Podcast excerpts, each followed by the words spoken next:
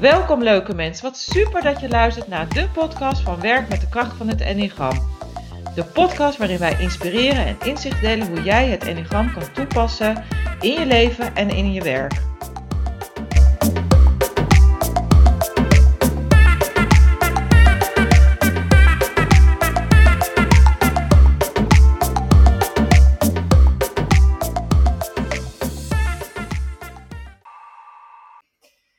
Luisteraars, welkom weer. Fijn dat jullie weer zijn afgestemd op onze sprankelijke podcast Enneagramwerk met Charlotte van der Molen en natuurlijk mezelf, Ismee. En vandaag belooft weer een heel mooi interview te worden. Want we hebben twee mooie, bijzondere gasten. Tenminste, ik vind het geweldig dat ik dit uh, mag doen nu. En dat is met Bouke de Boer en Dorien Groot. Uh, founders van het NTI NLP Instituut in Limmen, Noord-Holland. Voor de luisteraars die niet uit deze regio komen ja, jullie gaan ons weer meenemen op een mooie, inspirerende, maar ook liefdevolle reis. En we gaan het onder andere hebben over durf. Want daar staat het tweede jaar van onze podcast ja, in, in dat teken.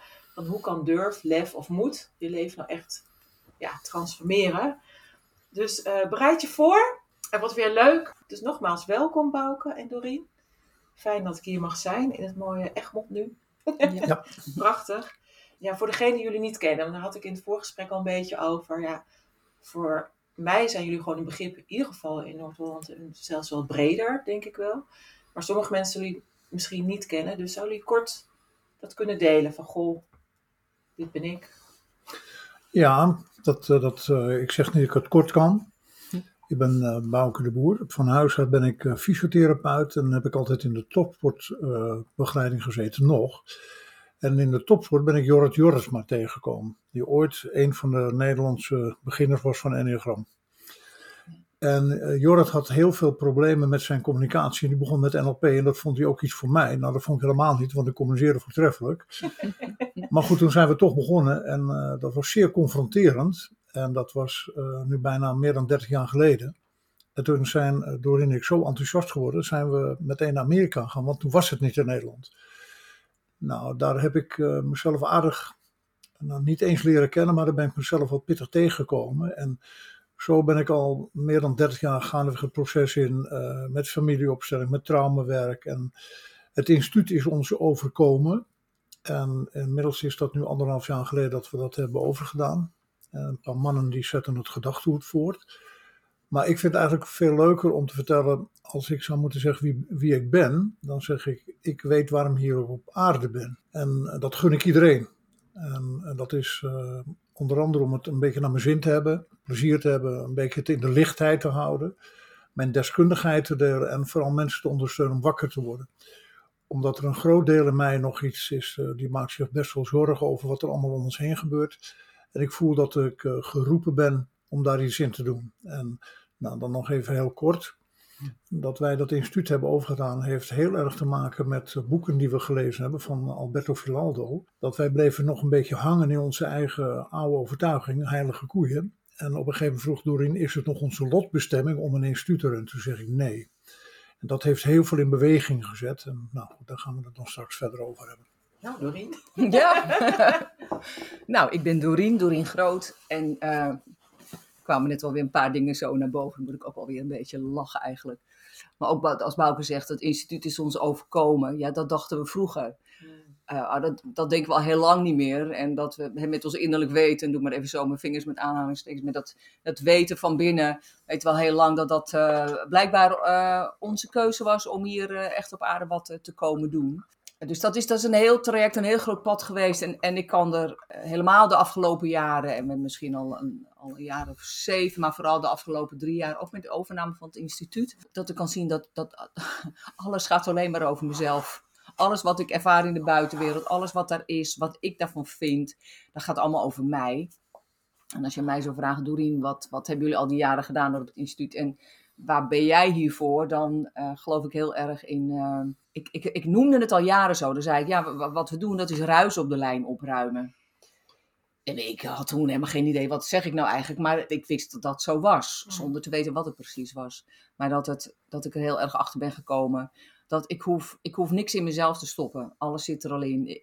ik hoef, niemand hoeft iets in zichzelf te stoppen, zit er allemaal alleen. En als we meer space en ruimte maken, dat we dan eh, misschien werkelijk helemaal aligned worden met, nou, ik noem het de spirit-energie, noem het waar we vandaan komen. Ja, en dit soort zinnen zou ik eh, acht, negen jaar geleden, uh, noemde ik dat nog helemaal niet zo. Nee.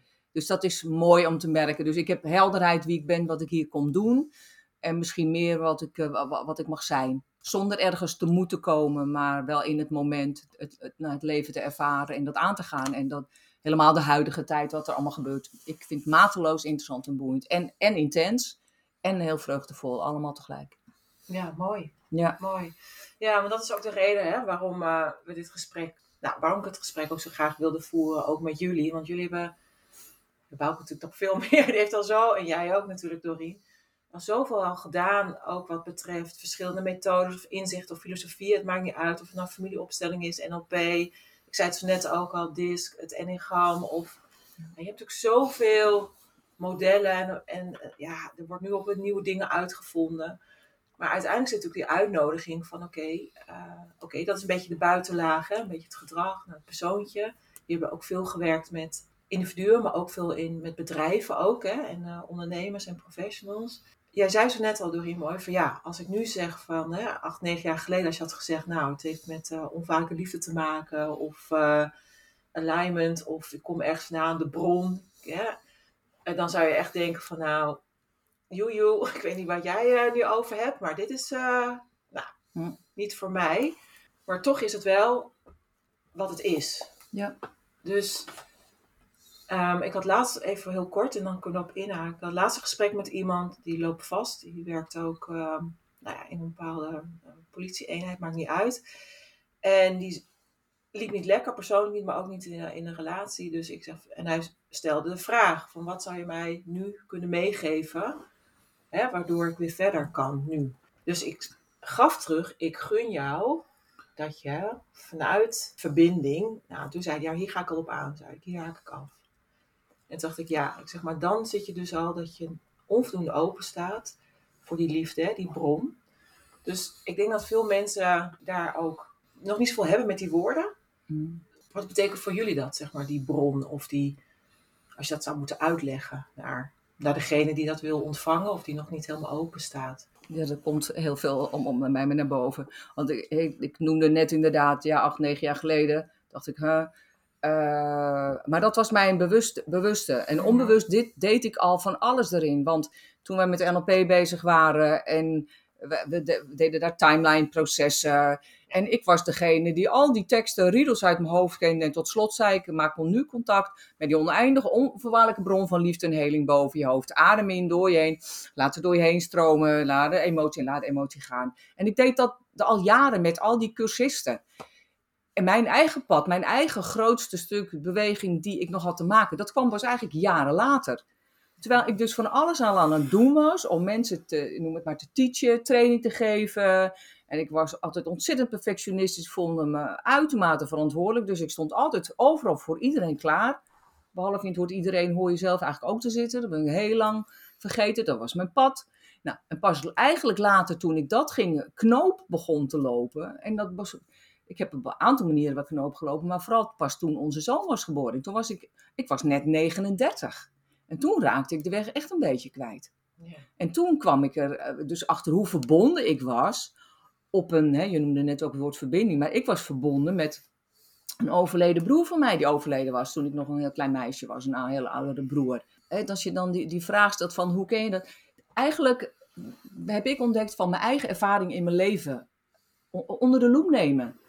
De eerste keer, als we het hebben over durven en lef, de eerste keer dat ik echt durfde te gaan voor wat ik van binnen voelde, ik was ongeveer 17, dat ik de eerste keer niet meer naar de kerstnachtmis ging in een groot katholiek gezin met elf kinderen. Ik was nummer 10 en ik riep wel naar beneden van de trappen van, gaan jullie maar, want ik kom wel. Ik kom, ik kom zelf wel, ik moet me nog verkleden. Maar ik wist dat ik niet kwam en ik, ik kreeg het bijna niet rond. Maar ik kreeg het nou, ik, kreeg het niet, ik kon niet gaan. Ik kreeg het niet meer rond met mezelf. Nee. En dat was mijn eerste moment dat ik dacht, ik voelde me een huigelaar als ik wel zou gaan. Ik, ik kon niet meer voor mezelf instaan. Nou, en dat is voor mij een grote pad geweest om hè, uit, noem het je familiesysteem, noem het uh, je eigen pad te gaan. Ja. Die durf en die lef te hebben.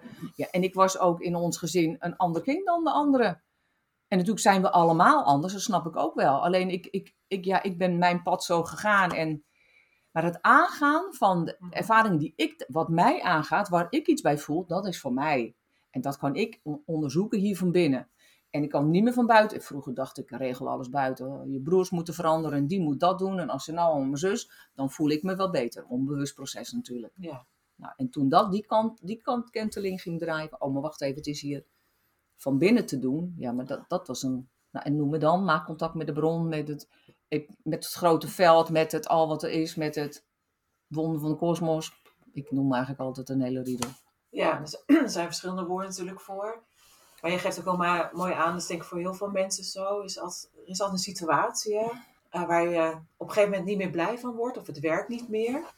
En dan gaat het op een gegeven moment schuren. Want je kan heel lang natuurlijk ook in een ongezonde situatie blijven. Hè, wat op dat moment gewoon misschien als gezond voelt. En dan gaat het niet meer en dan komt een soort aha-moment, noem ik dat altijd maar. Een soort, ja, bewustwording. En dan dat je denkt, oké, nu moet het anders. En dat zet die beweging dan aan. Maar ik weet ook, als je het eenmaal doet, dan gaat het. Dan kan je ook niet meer stoppen. Dan wordt het een, een snowball effect. Het wordt, gaat steeds harder of het gaat, wat stil, eh, gaat stil liggen, maar het blijft in beweging. Maar ik merk ook dat voor heel veel mensen toch ook lastig is om überhaupt die beweging in gang te zetten. Of überhaupt het knopje te vinden. Ook al zitten ze in een loop, ook al hebben ze door dit werkt niet meer voor mij. Ze kunnen het analyseren, ze kunnen het verklaren. Ze hebben training gedaan of coaching. Ja. En dan toch blijven ze in die loop. En dan zou mijn vraag nu zijn: eh, zetten jullie weer die mensen ook in beweging? Of hoe, hoe doe je dat? Hoe, hoe maak je die vertaalslag? Oké, even over durf en moed. Wat ik iedereen op aarde gun, is dat ze misschien eens een compleet van een an- ander perspectief kijken wat ze nu op dit moment doen. En wat bedoel ik daarmee? Ik ben eerst fysiotherapeut geweest en nu snap ik pas achteraf dat ik zo lang nodig heb gehad om eerst aan het lijf van anderen te zitten om toestemming te geven naar mijn eigen lijf te gaan. In eerste instantie dacht ik, goh, NLP, dat is goed voor de mensen. Dat is allemaal eh, onzin. Dat is omdat ik beter moest leren communiceren. Nu snap ik dat ik traumawerk gedaan heb om mijn eigen trauma's te hebben. Eh, heel veel mensen zullen Bram Bakker kennen. Hij heeft een boek geschreven, Gevoelsarm. Daar mocht ik het eerste exemplaar in ontvangst nemen. Omdat ik hier ooit aan tafel waar jij zit, hem even ongezouten gezegd heb van jongen, eh, jij bent psychiater geworden om je eigen probleem op te ruimen. Het wordt tijd dat je dat eens een keer gaat zien. Beste van der Kolk zegt een paar maanden daarna, alle psychiaters en psychologen zouden eens een keer wat meer bewust moeten worden dat ze dat vak zijn gaan kiezen om hun eigen shit op te ruimen. Nou, als je al zo kunt kijken, ik zeg niet dat je meteen antwoord hebt, maar dan ga ik nog een stap verder. Wat ik nu zeg, dat zou ik eh, tien jaar geleden nog niet gezegd hebben. Eh, ik geef mensen bij elke training en soms ook bij coaching een twee-keuzevraag. Zijn wij hier fysiek op aarde om spirituele ervaring op te doen en we gaan de pijp uit en is over? Of zijn we spirituele wezens die hier opnieuw komen onze levenslessen te leren? Ook gezien mijn eigen ervaring met mijn fysieke klachten die er niet eh, om liggen. En ik helemaal beland ben in het eh, veld van ayahuasca, eh, medicijnen, shamanen. Ben ik zo in contact gewoon met een andere dimensie dat ik niet meer anders kan kijken. Dus ik ben heel vaak zeer confronterend. Wat is de levensles die je komt leren? En als je die niet aangaat, ja, dan blijft het lekker op je pad komen. En dus wat je net zegt, heel vaak zeg ik tegen mensen, soms wens ik mensen toe dat ze zeer ernstig ziek worden. En dan spreek je de hoop dat ze weer beter worden. Want blijkbaar moet er iets gebeuren dat mensen wakker worden. Een scheiding, een ziekte en wat dan ook.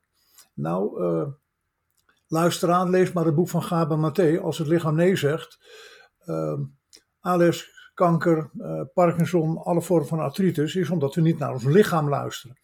Dus een beetje ordinair uitgedrukt zijn we zo getraumatiseerd als een deur, maar zijn we bereid om ernaar te kijken.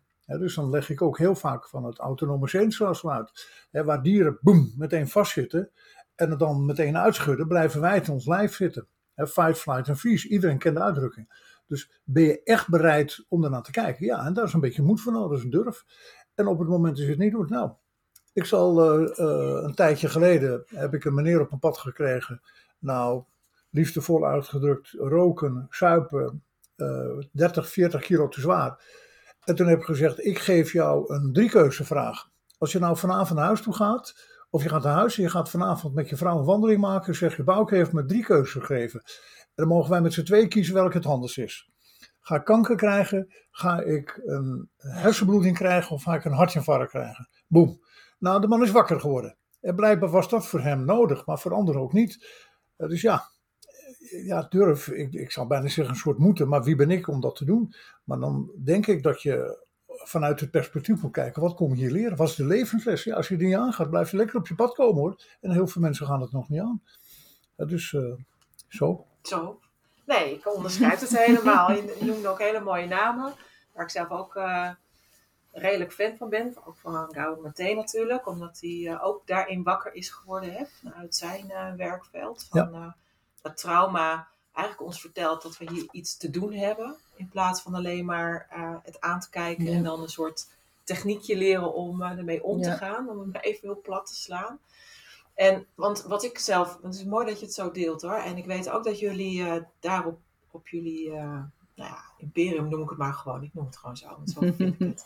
Erop voortbouwen, hè, want jullie gaan daar ook uh, straks ja, een bedrijf waarachtig leven. Gaan jullie. Ja. Uh, Ja, het bedrijf heet Waarachtig. wat, wat houdt dat in waarachtig leven? Want je hoort natuurlijk heel vaak, hè, je hebt van die grote namen van uh, leef je mooiste leven, dat soort zaken. Vind ik vaak altijd een beetje meer commercieel. En denk ik, ja, waar gaat het om? Het gaat niet alleen of je een bepaalde bankrekening hebt, of dat je vakanties hebt, of dat je, nou ja, uh, noem je tegenwoordig dat je vanuit het buitenland overal maar kan werken, dat soort dingen. Ja. Ik denk dat het dieper is, je mooiste leven, of waarachtig leven eigenlijk. Mm -hmm. Wat is jullie intentie daarmee met het waarachtig? Want het sluit aan op het verhaal wat je zo net vertelde. Ja, en dan, dan, op de een of andere wijze uh, ben ik hier op aarde om uh, vooral in eerste instantie uh, mensen fysiek een beetje bewustwording te brengen. Nou, daar kan ik een verhaal over vertellen, hoe ik als fysiotherapeut begonnen ben. Dat ik in de stad begon en ik iemand kreeg die veel te zwaar was en een heupartroos had. En ik na vijf keer zei, nou, je moet oefenen, je moet afvallen. Ik ga niet een beetje over die bil heen zitten te, te aaien. En de huisarts, die al zes jaar in de stad zat, die zegt, jeetje Bouke, tot nu toe behandelt iedereen twaalf keer. En jij stopt dan na vijf keer. En toen heb ik blijkbaar gezegd, ja, maar als je geen hoofdpijn hebt, dan neem je ook geen aspirine. De mensen hebben een eigen verantwoordelijkheid. Dus diep van binnen heeft mijn ziel ervoor gekozen om mensen een spiegel voor te houden, voor hun eigen verantwoordelijkheid te nemen. En zo ben ik ook met, met NLP in aanraking gekomen. Je moet voor in de bus zitten, boem. Uh, op een gegeven moment, oh, het boek wat ik net noem. Schrik niet, 50% van onze Nederlandse bevolking boven de 18 heeft een overgewicht. Hoeveel mensen antidepressiva slikken? Het is gewoon onvoorstelbaar. En blijkbaar ben ik in dit leven gekomen om mensen daarmee te confronteren. En dat, dat noem ik dus, tegenwoordig noemen wij dat samen, radicale eerlijkheid. We moeten gewoon eerlijk zijn. Hoe mensen zitten te, ja sorry dat ik het zeg, te kloten in relaties, te suipen, te snuiven, de hele teringzooi. Ja, ik kan dat niet meer genuanceerd zeggen. Ik ben nu ook sinds kort werk ik bij een verslaafskliniek. Nou, de wereld gaat nog meer voor me open. Het is gewoon compensatoire gedrag. Dus blijkbaar, en dat was ook de metafoor die ik net vertelde, moeten mensen eerst iets ernstiger krijgen. Nou, en dan kijk ik vooral naar het fysiek, mentale, emotionele, eerlijkheid en waarheid en waarachtig leven. En wij gaan nu nog verder, en dat vind ik ook wel mooi hoe Doreen dat kan uitleggen, over zeg maar de, de, de spirituele partnerschap, spirituele relaties, dat je waarachtig gaat leven. En zo, dan hebben we ook de training zo genoemd. Ik, ik, ik moet even, om dat te plaatsen in, denk ik dat het tijdsperspectief ook belangrijk is. In de zin van, uh, wij zijn ook ooit begonnen met NLP. Mm. Denk, hè, praten we over 1991. Jee, wat interessant. Dacht ik, oh, weer een boek, en weer een boek. Meer lezen. Oh, maar dat is ook boek. Mm. Heel veel mensen kenden dat ook nog wel vanuit die tijd. En ja. dan kwam de Celestijnse belofte. En dan ja. er kwamen allerlei boeken die ontzettend voedend waren voor het, voor het hoofd. En, uh, en waarom noem ik dit nu ook? En Pamela Kribbe schrijft, vind ik dan fantastische boeken. Veel, met heel veel over, over, over dat, noem het maar, over, over deze, de non-stoffelijke wereld. Noem, laten we het zo noemen. Het, het ten opzichte van meer de zintuigelijke wereld die we hebben. Beschrijft zij daar heel veel over. Het pad van wat we als mens gaan. Via channelings, ik krijg zo van alles binnen. Van het pad wat we gaan van hoofd dat we voeding voor het hoofd en dan gaat het op een gegeven moment langzaam zakken naar het hart en dan wordt ons hart daarmee vervuld en dan gaan we er ook al meer van het in voelen en de uitstralen. En dan op een gegeven moment dan is het zo, dan gaat het of naar je buik, je ziel, wat maakt allemaal niet uit, maar dan heb je het, dan zit het helemaal geïntegreerd, vind ik ook een raar woord, want het is, we hoeven niet iets te integreren, maar we kunnen het naar buiten laten komen, laat ik het zo maar zeggen, want het, het is er allemaal al, maar we kunnen er space aan geven dat het er allemaal kan zijn.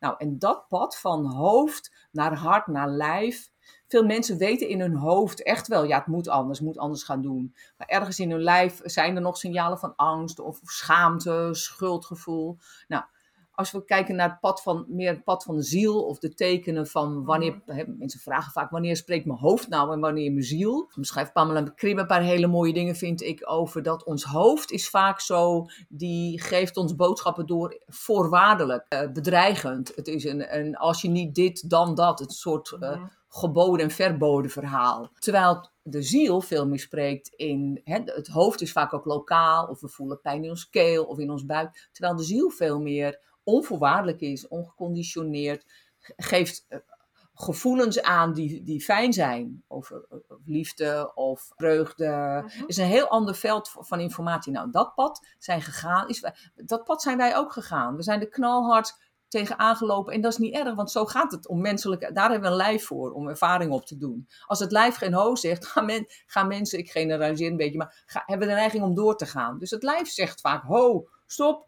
Hè, of opeens, of in, in fases. Nou, en daar naartoe te gaan, naar binnen te gaan. En dan, wat leeft er dan echt van binnen? Nou, dan komen we op dat waarachtige stuk. En dat is ook mijn pad. Ik, ik begon eigenlijk net al dat ik als ik daar nu naar kijk, zeg ik, toen ik 17 was, was ik dus waarachtig. Want dat is wat ik voelde. Ik kon niet meer iets doen wat ik gewoon niet rondkreeg. Dus dat was als hartstikke waarachtig. Dat is oprecht, dat komt uit je hart. En ik heb toen een paar jaar geleden, een jaar of twee, drie terug, deed ik een, een, eh, een, een jaartraining uh, met, de, met de elementen, shamanistische mhm, mhm. training. En toen hadden we ook een paardensessie uh, daarbij. Deed ik bij de In the Heart of Change overigens. Geweldige mensen. En, en, na die drie dagen dat we paardenopstelling hadden gedaan, ja, ik moet er nu ook om lachen. Toen zei Sarah tegen mij, ze zegt, ja Doreen, ze zegt, ik ga iets tegen je zeggen. Misschien klinkt het gek, maar ze zegt, jij was het vijfde paard deze dagen.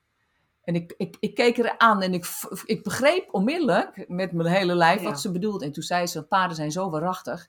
En je zit zo in dat waarachtige veld. Nou, dat vond ik natuurlijk ook, en ook heel mooi om te horen.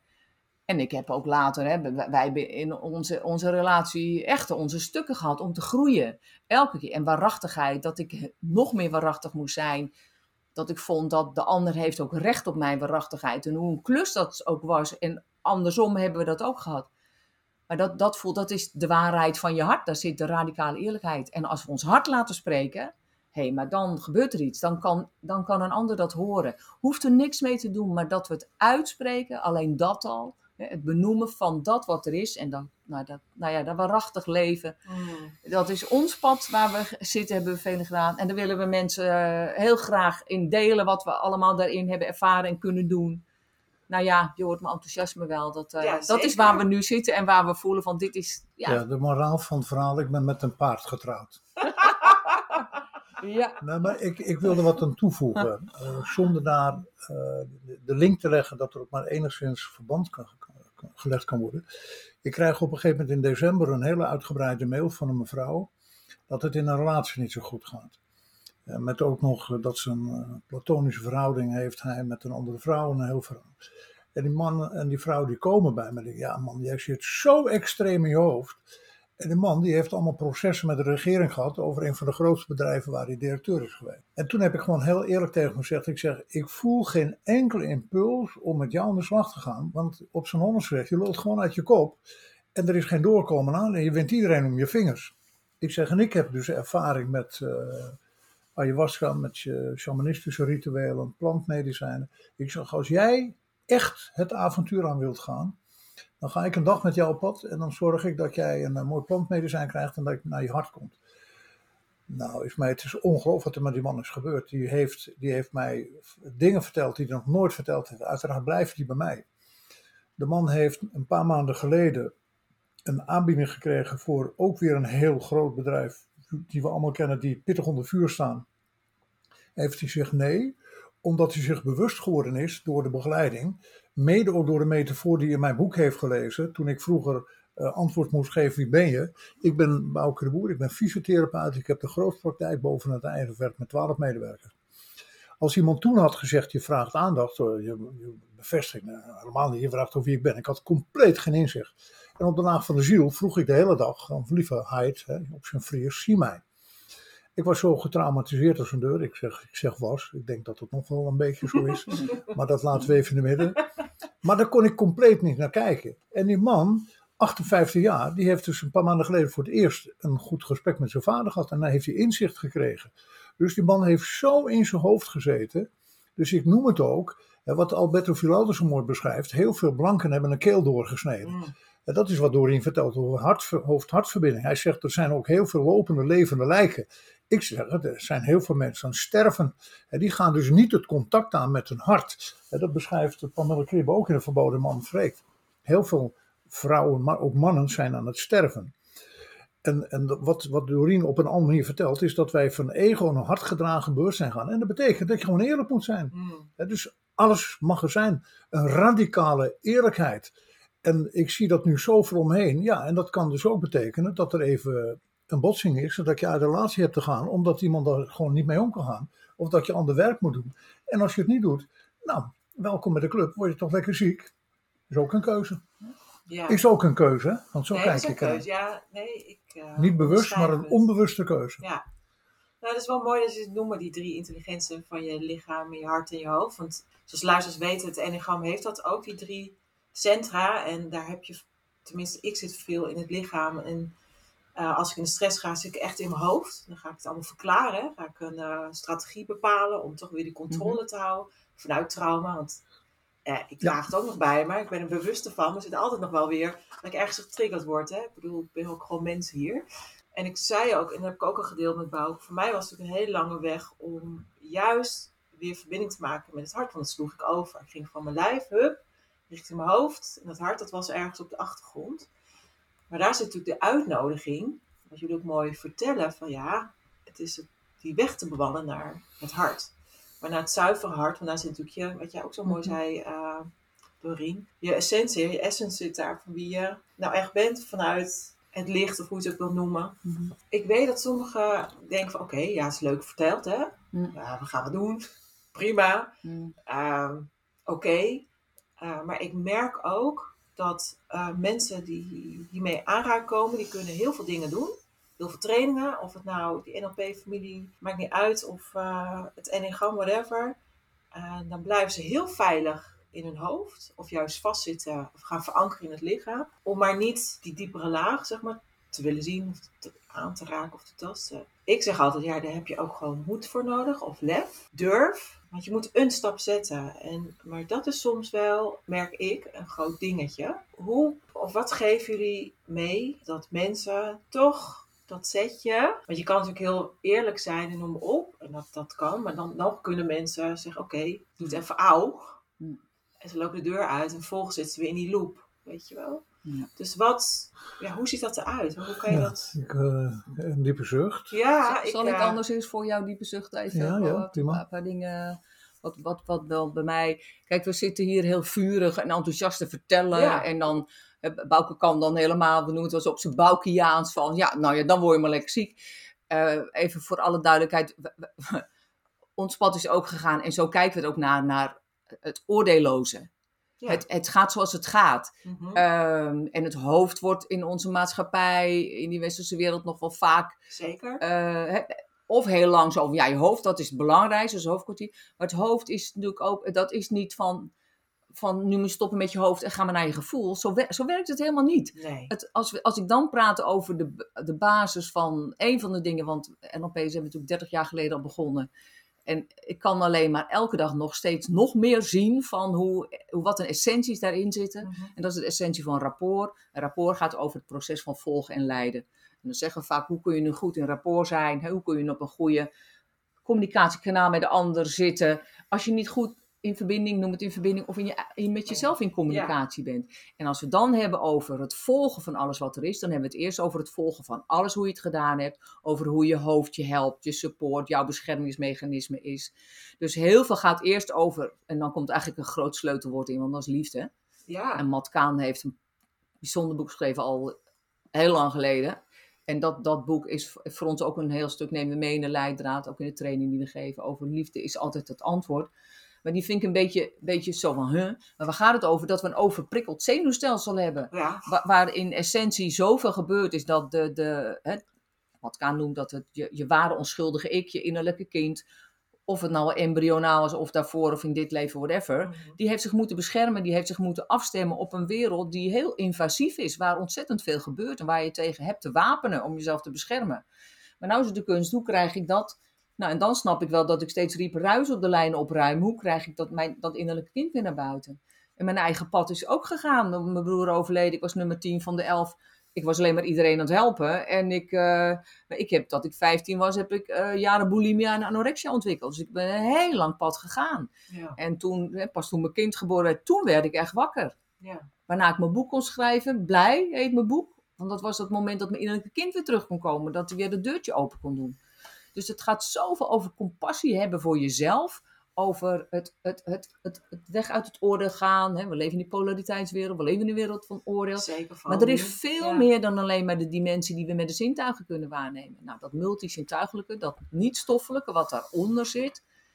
En dat weten mensen eigenlijk allemaal dat we dat hebben. Alleen, we zijn er ook nog niet zo in opgevoed. En dat we elkaar daarbij kunnen helpen. Ja, wat je ook heel mooi eigenlijk ook zegt, dat die verbinding daar ook verloren is gegaan. Hè? Dat we het ook niet meer weten en ervaren en voelen. Ja, ik zeg wel, hij is er nog steeds, alleen we kunnen hem even niet voelen of pakken. Hij, ja, alles is namelijk in de eenheidsenergie verbonden met elkaar. Ja. Je kan niet eens een atoom eruit halen, want dan stort de kosmos in elkaar, heb ik begrepen van een wetenschapper. Dus de verbinding is er altijd, alleen we kunnen hem niet voelen, we kunnen er even niet bij. En daar kunnen we zeker dingen voor doen.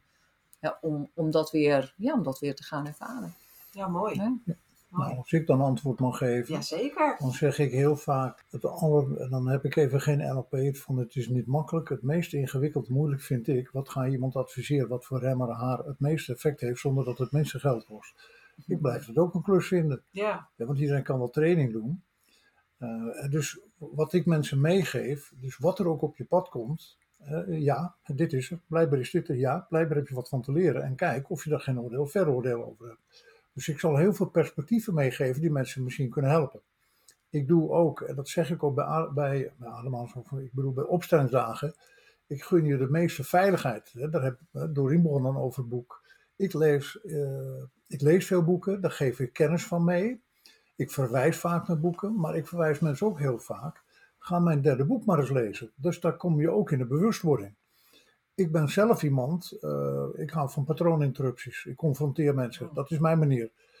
Maar dat wil niet zeggen dat het altijd uh, overkomt. Als er iets is wat ik nu al mede door mijn eigen ervaring uh, mensen veel meer adviseer, ga eens een keer naar zo'n ademhalingssessie. Waarom doe ik het in al mijn trainingen? Waarom doe ik het nu straks weer? Elk jaar ga ik elke maand, zeg maar buiten de zomer, één keer geef ik de mensen de mogelijkheid om het een keer te ervaren. Voor mij is ademhaling de meest eenvoudige vorm om je met trauma's te releasen. Nou, als ik zie wat daar al gebeurt. Ja. dus mensen hebben dingen te ervaren. Ja, dus ja, je triggert me weer. Ik heb het net even opgeschreven. En misschien wordt er toch weer eens een keer tijd dat ik uh, toch weer een klein boekje schrijf. Namelijk als antwoord op jouw vraag. Wat zou je nou mensen als eerste stap gunnen? Ja. Maar dat is ook, luister naar podcasts. Dat wordt een keer getriggerd. Ga eens naar films kijken. Ga eens een workshop doen. Uh, durf uh, de begeleiding aan te gaan. Ik heb net vandaag een mevrouw voor de telefoon. En die ben ik een paar jaar tegengekomen. Doreen was, heb ik er toen bijgehaald. Ik heb notabene zitten houden als uh, geadopteerde vrouw uit, uit Brazilië. Ik voel bijna de emotie weer komen. Zo verbonden met mijn Suriname verhaal. En ik heb er net gesproken en zei, Bouke, ik heb het zo ingewikkeld. En je bent tot nu toe de enige persoon waar ik het idee heb dat ik kan. Dus dat gaat over veiligheid. Dus de mensen die een stap hebben te zetten, die hebben ook te kijken, ja, wie is voor mij misschien de juiste persoon. En dat ben ik ook niet altijd voor iedereen. Omdat ik in de confrontatie zit. Nou, die botte boeren wil ik niet meer naartoe. Ja, ik heb niet het idee dat ik er ben. Ik ben gewoon heel eerlijk. Dat wil niet zeggen dat iedereen het aan kan. En blijkbaar heb ik dan ook nog niet het juiste contact. Maar gaan we weer. Ik vertel heel vaak Pamela Krib in alle boeken. Die zegt elke man, elke vrouw heeft de innerlijke koningin te vinden. Nou, vertel maar wat het is. Marianne Willems zegt elke, heeft uh, elke man, elke vrouw de innerlijke godin. Indri Adrie met een mooi liedje I'm Light, I'm Light. Ja, als ik morgens in de zee zit, dan heb ik het altijd eh, ik, verbonden, verbondenheid met de bron, een power in mij. Maar als ik dan mijn training code rood doe en ik laat het filmpje zien en ik vraag aan iedereen wat heb jij, nou dan hebben ze allemaal wel een woord. Diep van binnen voelen ze dat ook. Nou ja, daar moet je mee in contact komen. En ik blijf het een klus vinden. En dan kom ik weer, blijkbaar moet er voor mensen nog weer wat gebeuren voordat ze de levensles aangaan. En dat heeft ook te maken met waar ik in het begin over had. Vanuit wat voor perspectief ben jij hier op aarde? En ben je überhaupt bereid om te kijken naar je trauma? Ben je überhaupt bereid om te kijken dat je getraumatiseerd bent? Maar dat heb ik niet, dat heb ik niet. Ja, maar hola. Dus zo. Ja. Ja, ik zit alleen maar te knikken, dat zien jullie niet. maar er is geen beeld, maar jullie horen het ook niet. Maar ik loop natuurlijk al eh, vanaf uh, minuut één te knikken. Omdat ik dat natuurlijk heel erg herken. En ook wat je zo mooi teruggeeft, dat het voor mensen soms ook echt een struggle is. Maar ook voor ons is het een struggle geweest. Hè? Want Ja. ja, wij praten inderdaad nu heel vurig erover, heel enthousiast. Omdat wij eh, dat hebben mogen ontdekken. En ook nog steeds in blijven groeien. En, en ik zei het ook al, soms gebeuren gewoon hele wonderbaarlijke dingen. Ja. Ik denk, oké, nou het is zoals het is, weet je. Eh, je bent die je bent, ook goed. Dus het is een uitnodiging, want ja, ik zeg altijd tegen mensen, oké, je hebt natuurlijk je gedrag, dat is het meest zichtbare. Daar gaan we op aan, daar doen we iets mee of juist niet. Nou, dan doe je daar iets met, met je persoontje iets mee en dan komt er een transformatie. En dan komt vaak voor heel veel mensen de opening, ja, en nu is dit het dan? Of wat heb ik hier te doen? Ja, wat jij eh, Ja. hebt, Ja. perspectief, of wat, wat kom Ja. ik hier, wat jij mooi zegt, wat, vanuit die bron van de spiritu- spiritualiteit, wat heb ik hier nou echt te doen? Wat heb ik hier nou verder te brengen? En wat ik verder te brengen heb, ja, wat betekent dat dan? En soms betekent dat ook, soms ook afscheid nemen van. En ik denk dat dat het meest spannende is van alles. Nou moet je uit die comfortzone en dan kan je ook niet meer, daar hadden we de vorige keer een keertje over, dat je geen concessies meer gaat doen. Hè? Ja. Dat hebben we toen een keertje Ja. heel erg over gehad. Ja. Ja, en dat gaat schuren, gaat wringen. En dat is eh, bitter en eh, zuur en eng. En wat ga je doen? Dan sta je echt op zo'n, zo heb ik dat eh, ooit ervaren voor mezelf, op zo'n kruispunt. En hoe? En dan heb je dus die push nodig, zo uit jezelf, zo'n stukje, zo'n stapje, moed en lef om dat ook echt te gaan bewandelen. Mag ik een aanvulling Ja, geven? graag. Eh, wat ik heel vaak eh, aan mensen vraag, want dat voel ik dan, wie is er echt voor jou? En dan twijfel al om een antwoord te geven, dat geeft al het antwoord, dat we heel erg bereid zijn om eh, mensen in de omgeving eh, steun te vragen. Dus dat is, eh, op een hele diepe laag hebben we heel veel last van de onderbroken uitreiking. Ja, de papa en mama die waren durven niet uit te reiken. Dus ik geef ze ook heel vaak het zinnetje mee. Je hoeft het niet alleen te doen. Je mag het ook samen doen. Dus dat je gewoon ook mensen om je heen zoekt. Hè. Ik heb het net gehad over boeken en wat dan ook. Maar zoek ook mensen op gelijkgestemden. Ik ben zes jaar voorzitter geweest van Stichting Jonge Weduwe. Van Peter van Rij, die haar partner verloor toen ze zwanger was van de tweede. En die heeft prachtig werk gedaan doordat lotgenoten bij elkaar kwamen. Maar we zijn ook lotgenoten dat we te veel in het hoofd zitten. We zijn ook lotgenoten dat we angsten hebben. We hebben ook, geloof ik, ergens in Nederland een hele organisatie als mensen verslaafd geweest. En dat ze elkaar ook kunnen opzoeken bij de AA. Dus zoek mensen op gelijkgestemden. Dat is vooral voor jongeren. En dat is ook waarom we bij het instituut zoveel ook voor jongeren willen doen. En die nieuwe tijdskinderen. Zoek elkaar op. Dus Ja. je mag het alleen doen, maar je mag het ook samen doen. Ja, ik, er komt bij mij ook wel zo wat naar boven van, hè, van inderdaad zoek mensen op. En een ander stukje daarnaast, naast het samen met anderen doen, geloof ik ook heel erg dat de kosmos ook voor alles in het werk stelt om ons, om ons ook een handje te helpen. Wat we misschien op dat moment niet als zodanig interpreteren, maar waar we op een gegeven moment zeggen mensen, ja, ik heb, heb nou zo lang gewacht, nou moet ik wel een besluit nemen. Want ik, ik doe het blijkbaar niet zelf, maar nu, nu moet ik het wel en dan, doe- en dan doe je het toch. En dan praat ik ook maar even uit mijn eigen situatie. Ik was ik, ik noemde in het begin al, ik was vroeger verantwoordelijkheidsgevoel, perfectionisme. Ja. Het moest allemaal. En op een diepe laag aardig gevonden willen worden, waar ik allemaal helemaal niet bewust was, maar wat, wat wel zo speelde. En ook jaren in onze relatie heb ik ook tegen een stuk aangelopen, wat pas veel later echt duidelijk kwam. Want ik gaf altijd maar tijd en ik liet altijd, zeg maar, hè, in dit geval was dan Bouke eh, voorgaan. En eh, weet je, Terecht hoor, terecht. Natuurlijk terecht allemaal voor jou. Maar op een gegeven moment was het voor mij. Mo- moest ik gegeven moment zeggen: en, nou stop, tot hier en niet verder. En het was ook een, een voorbeeld. Hè. Bouke heeft drie kinderen uit de eerdere relatie. Ik wilde ook graag, of ook graag kinderen. Dat was voor mij een soort van vanzelfsprekend. Maar dat de eerste jaren speelde dat nog niet zo. En op een gegeven moment kwam dat, dat wel aan bod. En toen zei Bouke: ja, ik weet het nog niet. En eh, nou, weet je, neem de tijd. Ik was altijd maar, ik gaf iedereen de tijd. Neem de We waren weer een paar jaar verder. En op een gegeven moment, ik werd er gewoon ik werd, er, ik werd er heel onzeker van. En toen op een gegeven moment heb ik gezegd: van weet je, ik stel nu een ultimatum.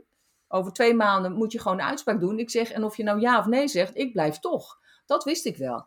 En ik herken van mezelf in mijn leven best een aantal momenten in de relatie dat ik op geen moest zeggen en nou is klaar. Dus ik moet leren, in plaats van de ander voorop te zetten, mezelf voorop te zetten. Nou, en daar hebben we, en, en heb je later wel eens verteld, mensen dan vroegen, hoe komt het, maakt dat jullie relatie zo goed gaat? Nou, een van de dingen was, hij zegt op het moment dat mevrouw besloot om op zichzelf voorop te zetten. Hij zegt, ja, moest, was voor mij wel even wennen, maar dat heeft gemaakt dat het onze relatie op dat moment, noem het, gered heeft.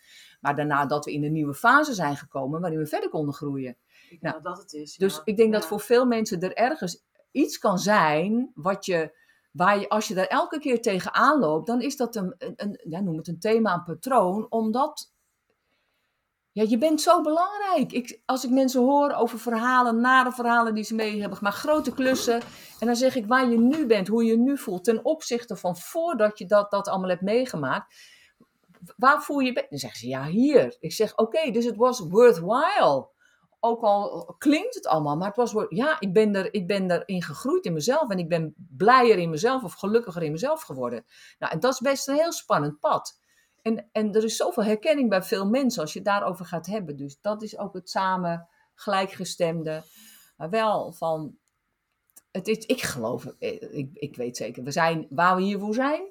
Natuurlijk, ja, levensles leren om dingen op te ruimen. Maar dan zijn we vreugdevolle, net als blije baby's, spelende kinderen zijn we.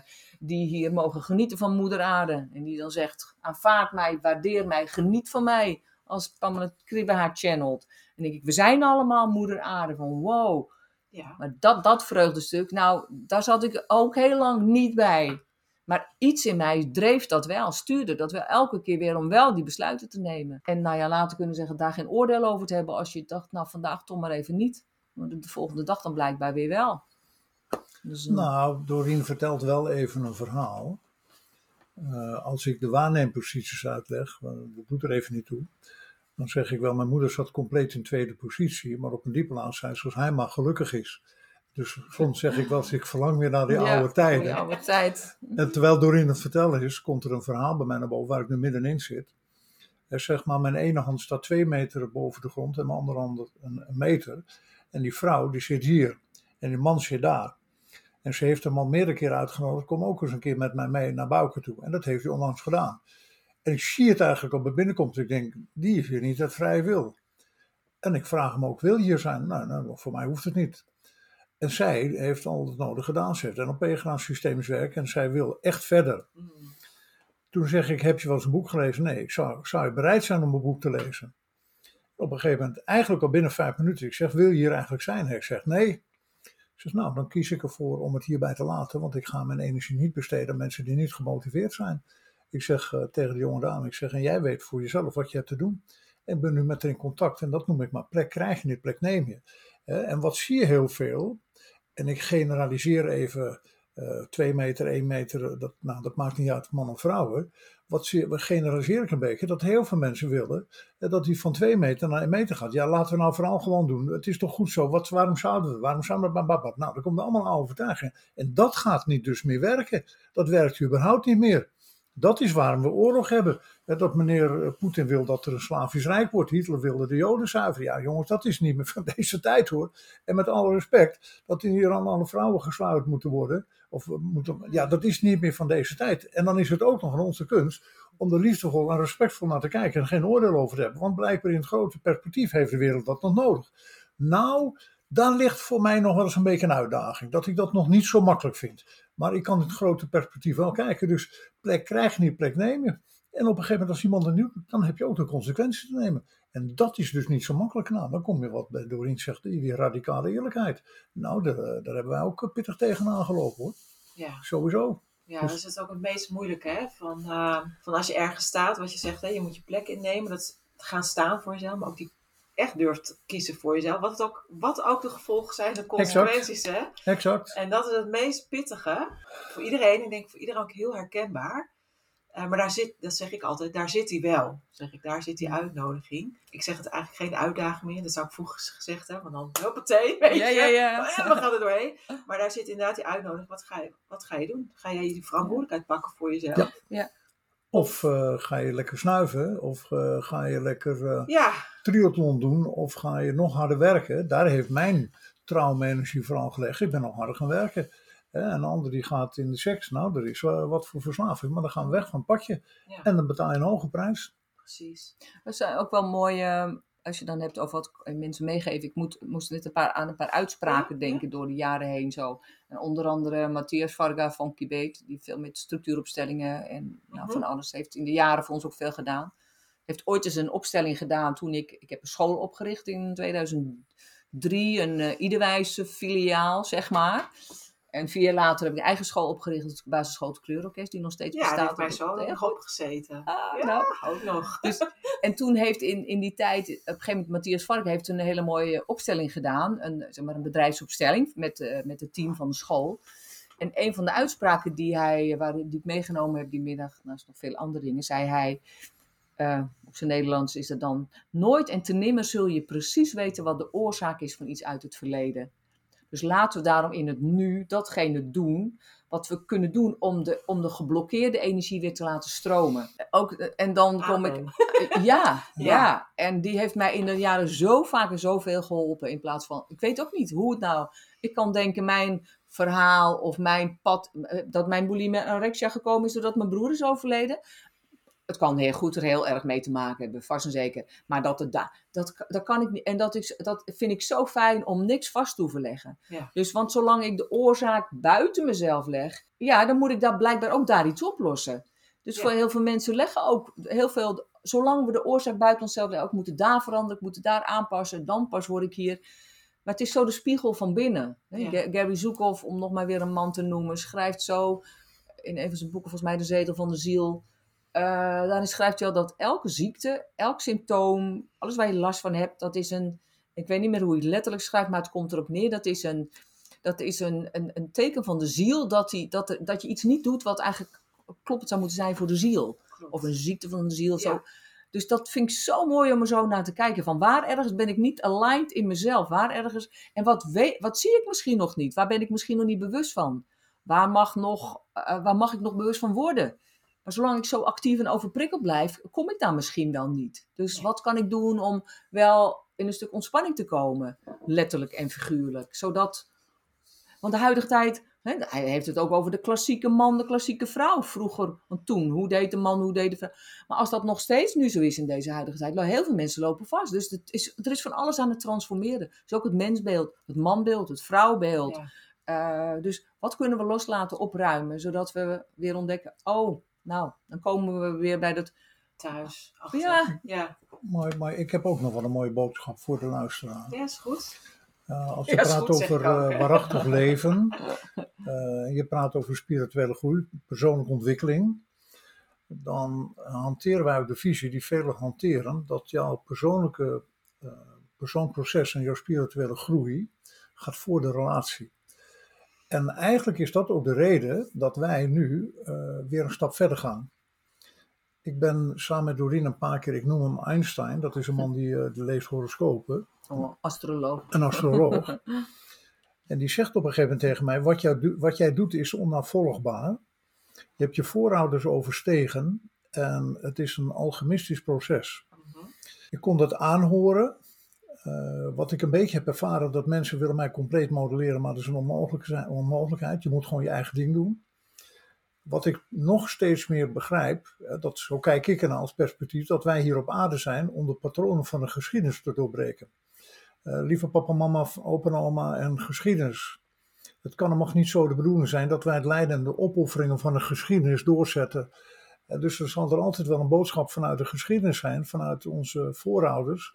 Lief kind, misschien wordt het tijd de patronen van de geschiedenis te door, door, doorbreken. En toen hij zei, je hebt je voorouders overstegen, dacht ik, ja, maar dat zeg ik ook heel vaak tegen mensen, maar dat was ook blijkbaar mijn eigen levensles. En dat hij zegt, het is een alchemistisch proces. Daar heb ik, om het nog beter te begrijpen, weer uh, Powell Coelho gelezen, alchemist. Oh, ja, ja. En ik heb ook nog even een boek van Doreen gekregen, voor het eerst weer sinds 20 jaar een roman van Isaac Newton, dat gaat ook over alchemie. En hoe vaak heb ik niet gezegd, ik kan geen fysiotherapeut meer zijn. Ik kan niet meer NLP-training geven. Ik kan geen opleidingen meer verzorgen voor, voor systemisch werk. Ik moet het nu gewoon doen. En ik ben alleen maar met proceswerk. Dus uh, er is ook een heel mooi uh, een schrijven van Hellinger over oud en nieuw. Dat als je in de oude blijft hangen, ja, dan blijf je doen wat je altijd gedaan hebt. En dat noemen we ook heel veel. Dus het is ook een alchemistisch proces en dat heb je ook aan te gaan. Mhm. Dus dan ga ik weer naar de bewustwording. Uh, dus lieve mensen, met alle respect, het kan en mag niet de bedoeling zijn of het nou in de relatie is, of in de opvoeding, of in werk, of waar je ook bent in een sportclub. Eh, jouw persoonlijk proces en jouw spirituele groei gaat voor de relatie. Maar ja, dat betekent dat je moet loslaten aan gehechtheid. En dat wil niet zeggen altijd zo makkelijk is. Maar dan groeien we. En dat is ook onze uitgangspunt, dat je hebt te groeien.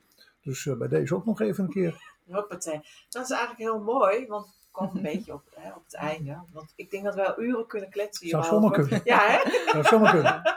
dus uh, uh, is nog iets waarvan je zegt, nou dit zou ik nog echt kwijt willen, dit zou ik nog echt willen delen. Dat je zegt, nou vind ik belangrijk. Of, ik heb wel wat. Ja, dat ik, dat ik iedereen gun dat ze zo snel mogelijk, als het nog niet aan de orde is, volledig congruent antwoord kunnen geven. Waarom ben je hier op aarde? Want als je daar antwoord op kan geven, dan zegt Nietzsche: als je een waarom hebt in het leven, is bijna elke hoe te verdragen.